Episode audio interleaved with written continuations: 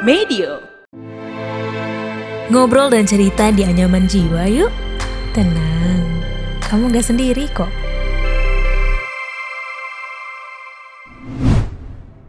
Hai, barusan aku lagi mikirin hal yang cukup serius nih tentang betapa sulitnya jadi remaja sekarang. Aku ngerasa remaja-remaja sekarang kayaknya jadi lebih sensitif dan rentan terhadap hal-hal kecil yang cenderung di luar kontrol ya. Banyak dari kita punya luka inertin.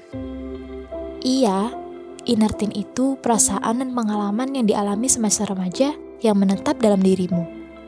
Kalau kamu punya pengalaman buruk saat remaja, inertin kamu bisa terluka.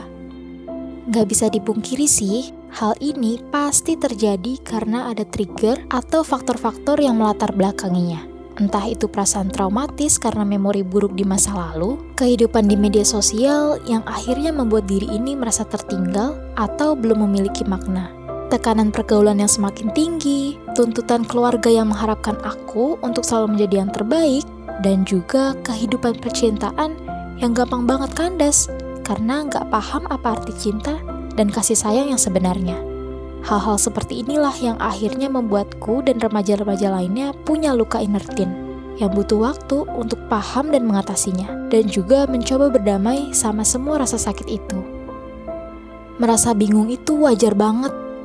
Jadi, balik lagi, fokus pada upaya yang bisa kamu kendalikan. Bisa dengan banyak baca referensi, geluti hobi, olahraga, ngobrol dengan orang dewasa yang kamu respect untuk minta nasihat dan lain sebagainya. Intinya, inertin itu bukan excuse agar kita nyerah gitu aja atau merasa helpless. Karena ya selama kita hidup, pasti tantangan itu ada terus kan? Kasih tahu dirimu kalau selalu ada kesempatan yang bisa membuatmu bertumbuh dan berkembang menghadapi berbagai tantangan. Inertin adalah sebuah fase, bukan sebuah hal yang menetap. Walaupun kita sering dibilang produk masa lalu, kamu tidak bisa mengubah apa yang terjadi di masa lalu. Tapi, kamu selalu punya pilihan untuk bagaimana kamu ingin menjalani hidup yang lebih kuat. Jadi, sayangi dan rangkul inertin kamu ya.